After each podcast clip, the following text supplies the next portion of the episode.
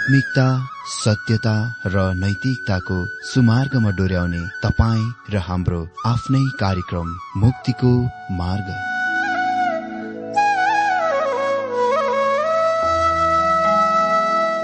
आदरणीय श्रोता यस मुक्तिको मार्ग कार्यक्रममा हार्दिक स्वागत छ। आशा छ यस आत्मिक कार्यक्रमद्वारा जीवनमा आत्मिक आशिष अलौकिक शान्ति र आनन्द प्राप्त गर्नुहुनेछ। र जीवनमा धन्य अनुभव गर्नुहुनेछ। आउनुहोस् श्रोता। मन र आत्माको तयारीको लागि यो मिठो अनि मधुर भजन गीत सुनौ।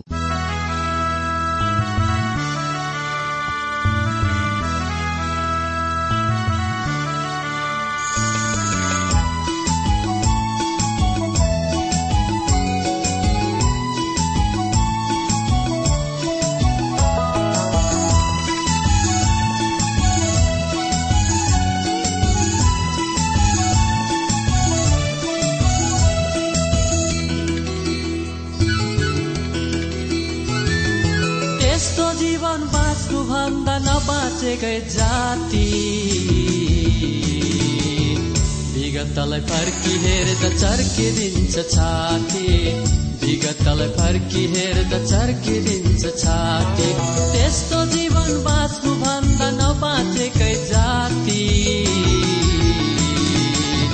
विगतलाई फर्की हेर्दा चर्किदिन्छ छाती विगतलाई फर्की हेर्दा चर्किदिन्छ छाती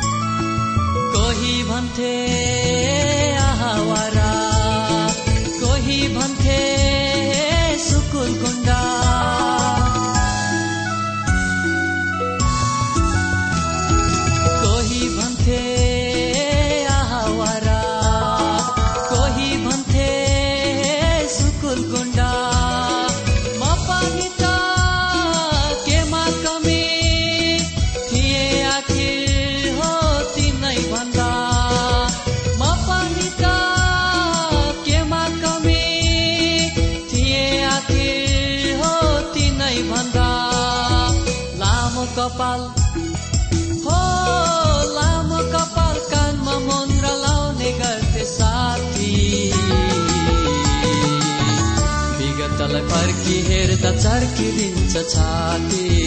विगतलाई फर्की हेर्दा चर्किदिन्छ छाती। त्यस्तो जीवन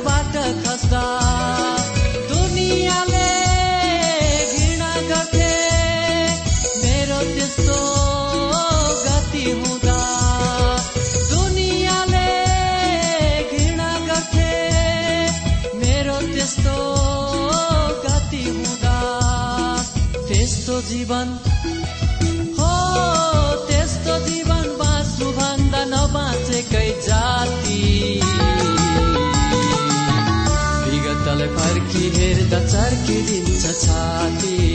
विगतलाई फर्की हेर्दा चर्किदिन्छ छाती। त्यस्तो जीवन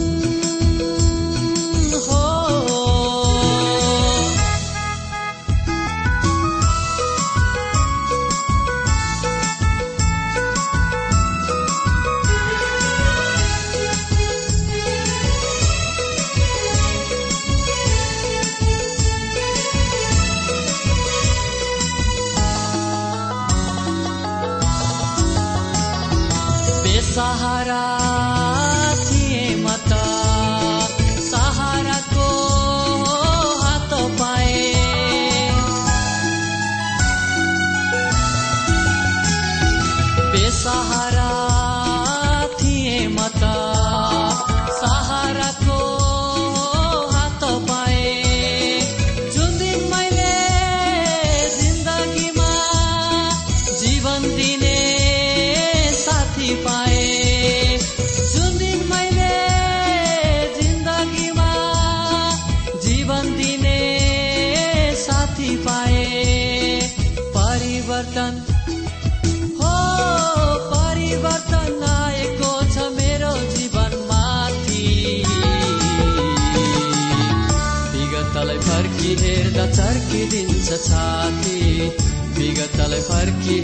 चर्किदिन्छ छाती। विगतलाई फर्की हेर्दा चर्किदिन्छ छाती। विगतलाई फर्की हेर्दा चर्किदिन्छ छाती। विगतलाई फर्की हेर्दा चर्किदिन्छ छाती।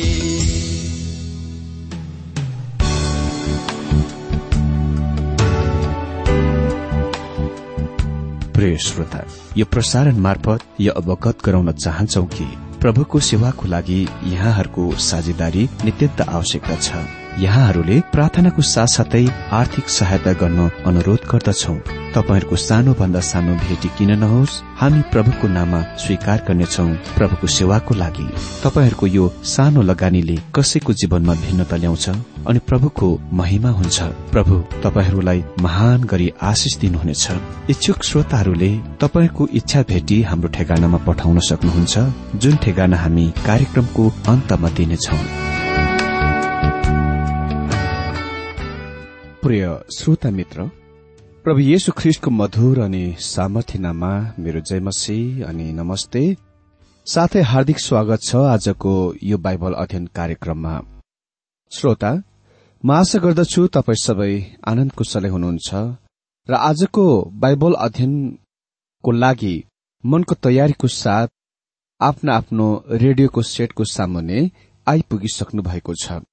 श्रोता पवित्र धर्मशास्त्र बाइबलको क्रमबद्ध र श्रृंखलाबद्ध अध्ययनको क्रममा अघिल्ला कार्यक्रमहरूमा हामीले एदमको विरूद्ध परमेश्वरको दोष अर्थात अभियोग विषय अन्तर्गत अध्ययन गरिरहेका थियौं। ओबदिया एक अध्यय एकदेखि तीन पदसम्मबाट। हामीले देख्यौं कि परमेश्वरले एदोमलाई घृणा गर्नुहुन्थ्यो र त्यसलाई दण्ड दिने इरादा गर्नुभयो मनसाय लिनुभयो। अनि किन परमेश्वर तिनीहरूलाई दण्ड दिन इरादा गर्नुभयो त? मनसाय गर्नुभयो त? भन्दा तिनीहरू घमण्डले फुलिएका थिए। घमण्डले माथि उचालिएका थिए।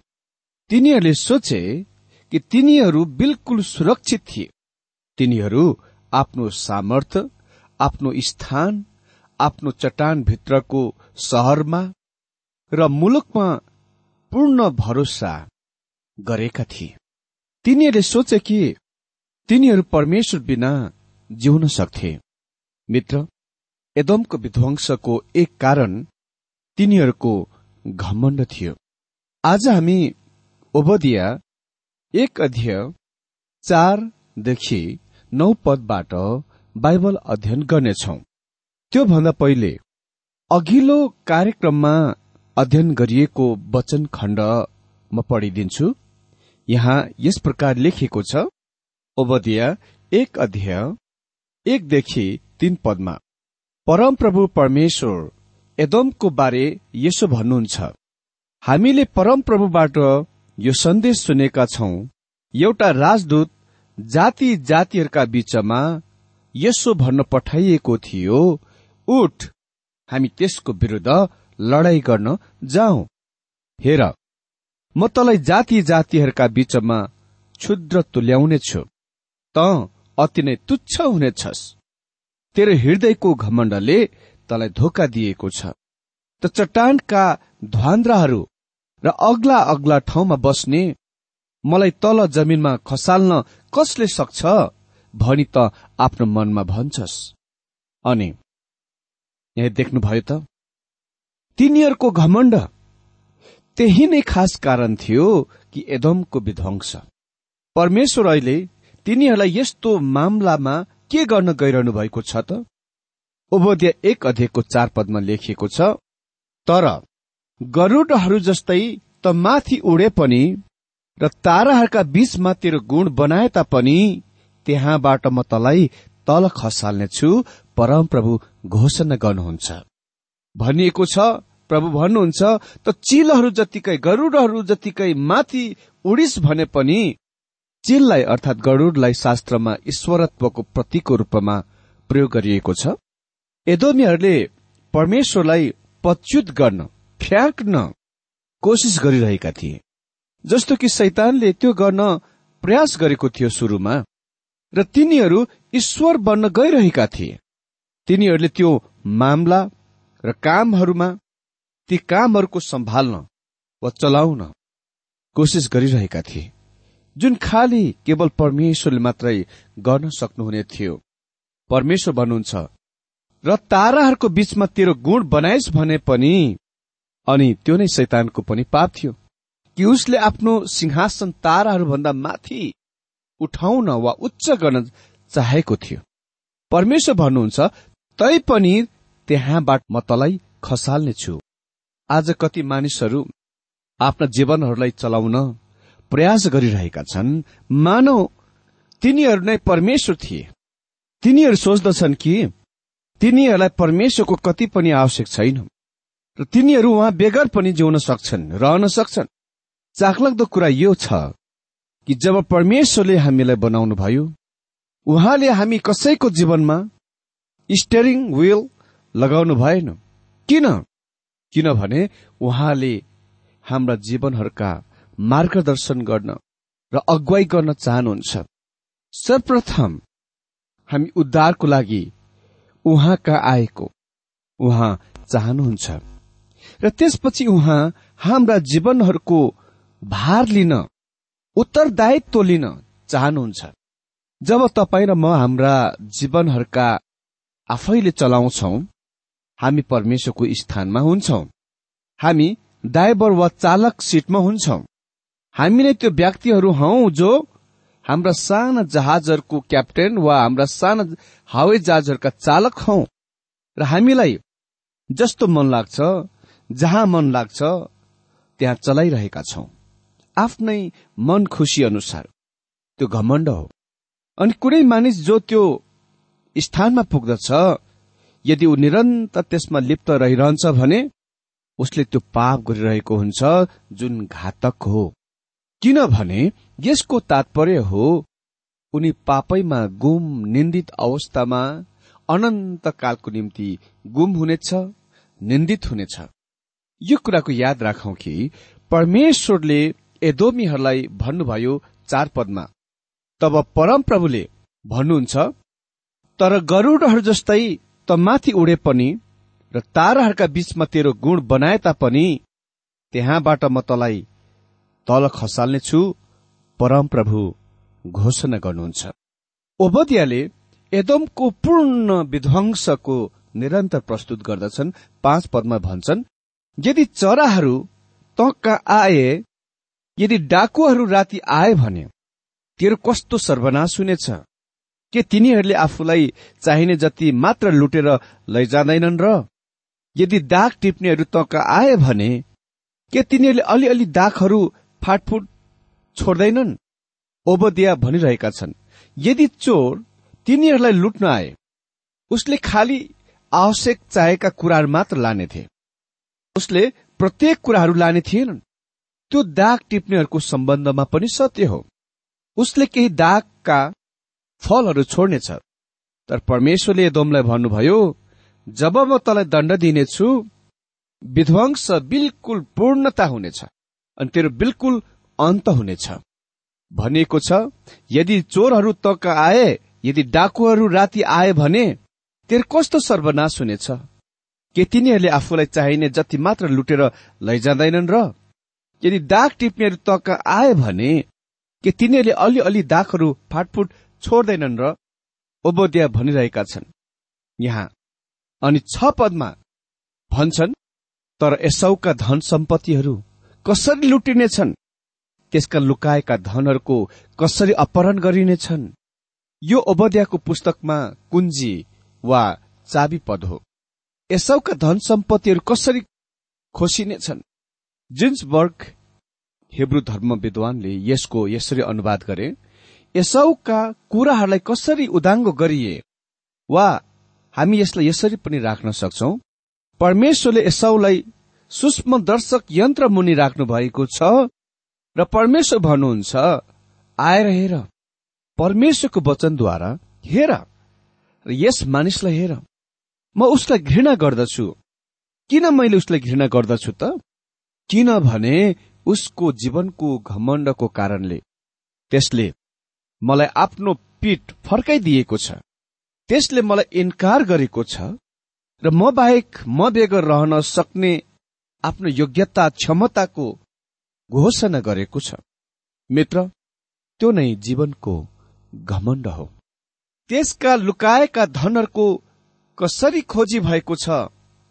अमित्र जब म पहाडी पछाडि उत्पत्तिको पुस्तकमा यसको कथा पढ्छु म त्यसको त्यति राम्ररी बुझ्दिन।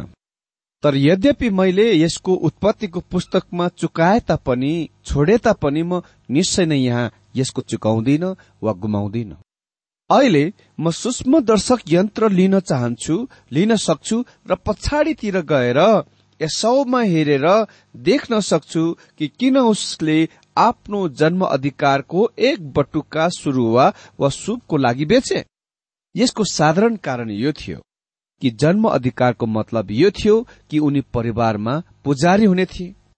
र यसको मतलब परमेश्वरसँग सम्बन्ध थियो हुने थियो। स्पष्ट भावले बताउँदाखेरि एसाउले परमेश्वरसँग सम्बन्धको कायम गर्न वा सम्बन्ध राख्न भन्दा एक बटुका चुप नै खान चाहे। जब तपाईँ त्यस स्थानमा पुग्नुहुन्छ मित्र तपाईँ त्यो सुँगुरको स्तरमा डुब्नु भएको छ जुन आहालमा फर्की गएर त्यहाँ नै रहन मन पराउँछ। अनि सात पदमा लेखिएको छ तेरो सबै मित्र राष्ट्रले तलाई सिमानासम्म धपाइदिनेछन्। तेरा मित्रहरूले तलाई धोका दिएर दमन गर्नेछन्। तेरो रोटी खानेहरूले नै तलाई पासो थाप्नेछन्। तर यस कुराको तलाई केही पत्तै हुने छैन। एदोम एक राष्ट्र थियो जुनलाई त्यस बेलाको सबै शत्रुहरूले छुँदैनथे। तिनीहरूले त्यस राष्ट्रलाई कति पनि दिगदार गर्न सताउन सक्दैनथे किनभने त्यो सुरक्षित रूपमा चट्टानका ठूलो गुफा वा चिराभित्र पेट्राको सहरमा स्थित थियो। र तिनीहरूको त्यस्तो सहरभित्र शत्रुहरू प्रवेश गर्न अति नै मुस्किलको कुरा थियो। तर नबुकनेश्वरले आफ्ना जासुसहरूलाई त्यस सहरभित्र पठाउन वा प्रवेश गराउन सक्षम भए। र तिनीहरूद्वारा उसले त्यस सहरलाई कब्जा गर्न उनी सक्षम भए जसरी परमेश्वरले यरुसलेमलाई अर्थात याकुबका पुत्रहरूका सहरलाई नष्ट गर्न नबुकनेश्वरलाई प्रयोग गर्नुभयो जो परमेश्वरबाट टाढा तर्की गएका थिए उहाँले नबुकनेश्वरलाई पनि एदोमलाई कब्जा गर्न लिन जुन यसौका पुत्रहरूका राष्ट्र थियो प्रयोग गर्नुभयो। भनिएको छ तेरा सबै मित्र राष्ट्रहरूले तलाई सिमानासम्म धपाइदिनेछन्। तेरा मित्रहरूले तँलाई धोका दिएर दमन गर्नेछन्। तेरो रोटी खानेहरूले नै तँलाई पासो थाप्नेछन्। तर यस कुराको तँलाई केही पनि पत्तो हुने छैन। अनि आठपत त्यो दिन के म एदोमका बुद्धिमान मानिसहरूलाई र यसौका डाँडामा भएका समझदार मानिसहरूलाई नष्ट पार्ने छैन र? परमप्रभु भन्नुहुन्छ हजुर एदोम यस तथ्यको लागि प्रसिद्ध थिएनन् कि त्यस चट्टानी पर्वतको विशाल चिराभित्र गुफाभित्रको त्यो पेट्राको सुन्दर शरमा तिनीहरू अति नै धेरै सुरक्षित थिए। तर तिनीहरूले ज्ञान बुद्धि र शिक्षा र अन्धविश्वासको पनि विकास गरेका थिए।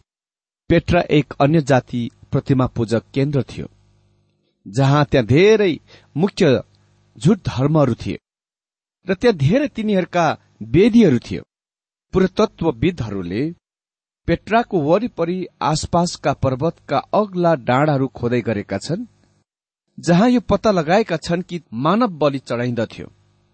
अनि एदम बुद्धि र ज्ञानको लागि पनि प्रसिद्ध थियो।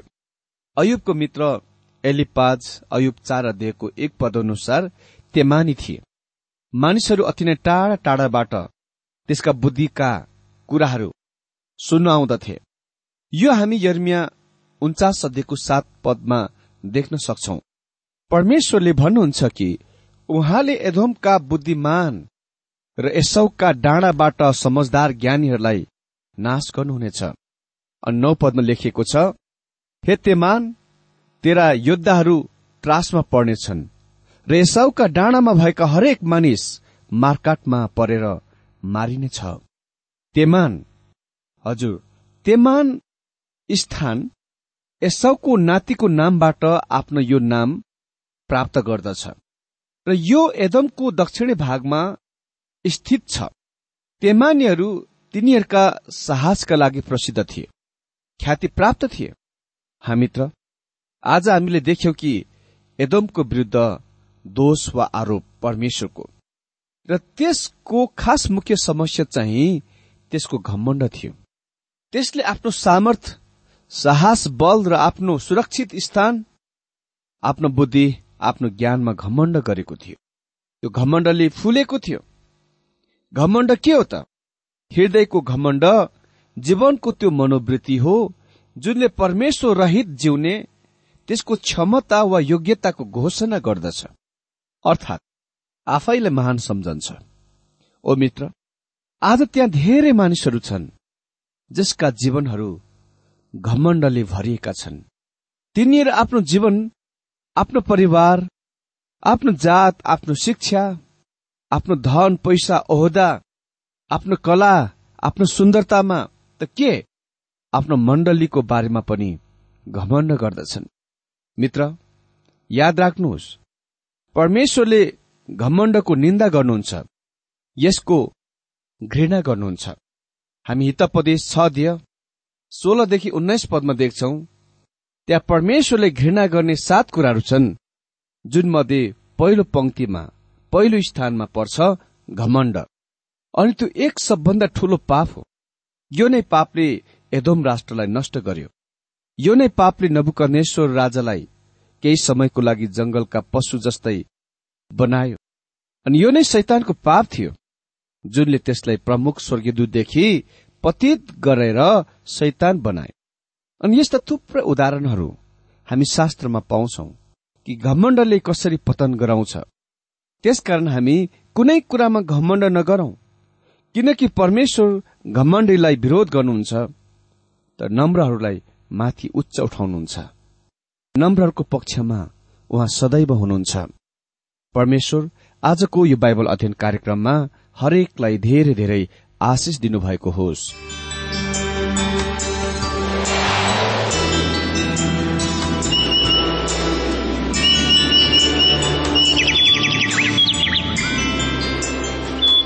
प्रिय श्रोता अहिले भर्खरै तपाईँले टीडब्ल्यूआर नेपालद्वारा सञ्चालित आत्मिक कार्यक्रम मुक्तिको मार्ग सुनिरहनु भएको थियो। श्रोता आजको यो कार्यक्रम सुनेर तपाईँलाई कस्तो लाग्यो? यदि यो कार्यक्रम सुनेर मनमा कुनै खुल्दुली वा कुनै प्रतिक्रिया अर्थात सुझावहरू छन् भने हामीलाई पत्रद्वारा लेख्न सक्नुहुनेछ। हामी हृदयदेखि नै स्वागत गर्नेछौ स्वीकार गर्नेछौ साथै बाइबल सम्बन्धित प्रचारहरू कार्यक्रम सारणीहरू हामी अनुरोधमा पठाउन सक्छौ। अनि तपाईँसँग कुनै प्रार्थनाको विषय छन् भने हामीले तपाईँको लागि प्रार्थना गरेको चाहनुहुन्छ। हुनुहुन्छ भने प्रभुमा आफ्नै परिवार सम्झेर हामीलाई पत्रमा लेख्न सक्नुहुनेछ। तपाईँको लागि हामी प्रभु येशुसँग प्रार्थना गर्नेछौ। अधिक जानकारी र पत्रचारको लागि हाम्रो ठेगाना यस प्रकार छ।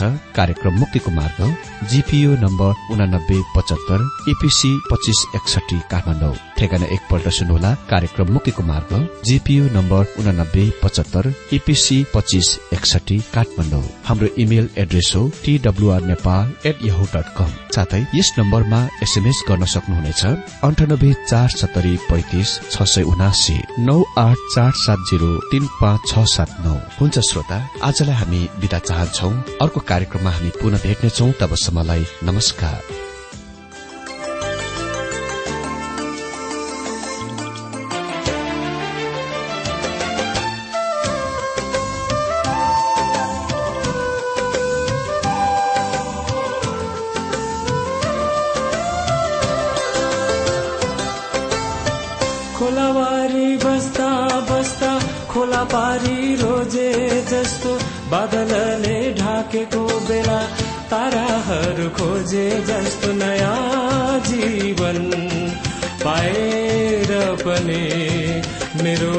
कदम कदममा नयाँ आशिष नयाँ अनुभव चाहन्छु म। नयाँ आशिष नयाँ अनुभव चाहन्छु म। खोलावारी बस्दा बस्दा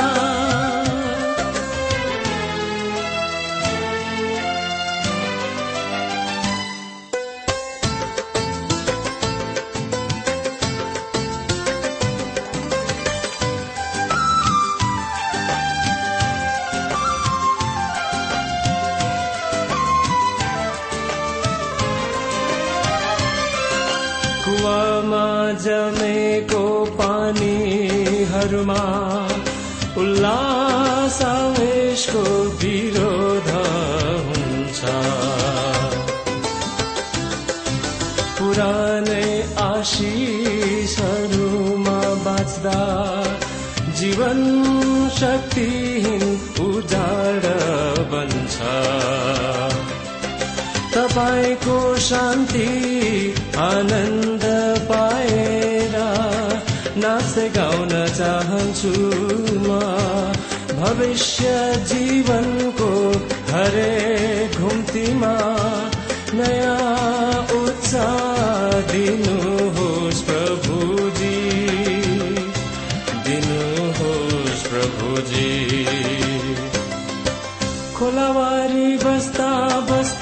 खोला पारी रोजे जस्तो बादलले ढाकेको बेला ताराहरू खोजे जस्तो नयाँ जीवन पाएर पनि मेरो कदम कदममा नयाँ आशिष नयाँ अनुभव चाहन्छु म।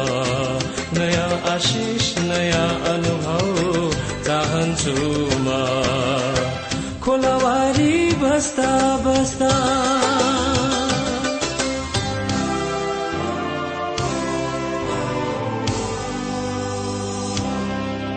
तर मेरो कामनामा होइन। तपाईँकै इच्छा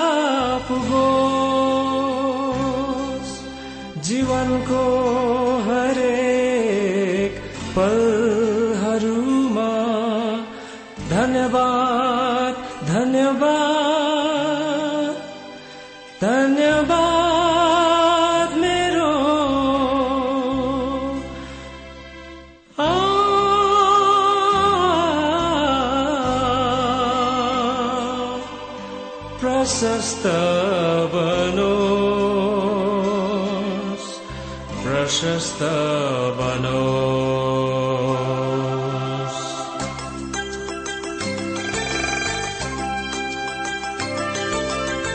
खोलावारी बस्दा बस्दा खोला पारी रोजे जस्तो बादलले ढाकेको बेला ताराहरू खोजे जस्तो नयाँ जीवन पाएर पनि मेरो कदम कदममा नयाँ आशिष नयाँ अनुभव चाहन्छु म।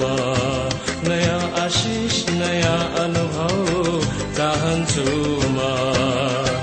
खोलावारी बस्दा बस्दा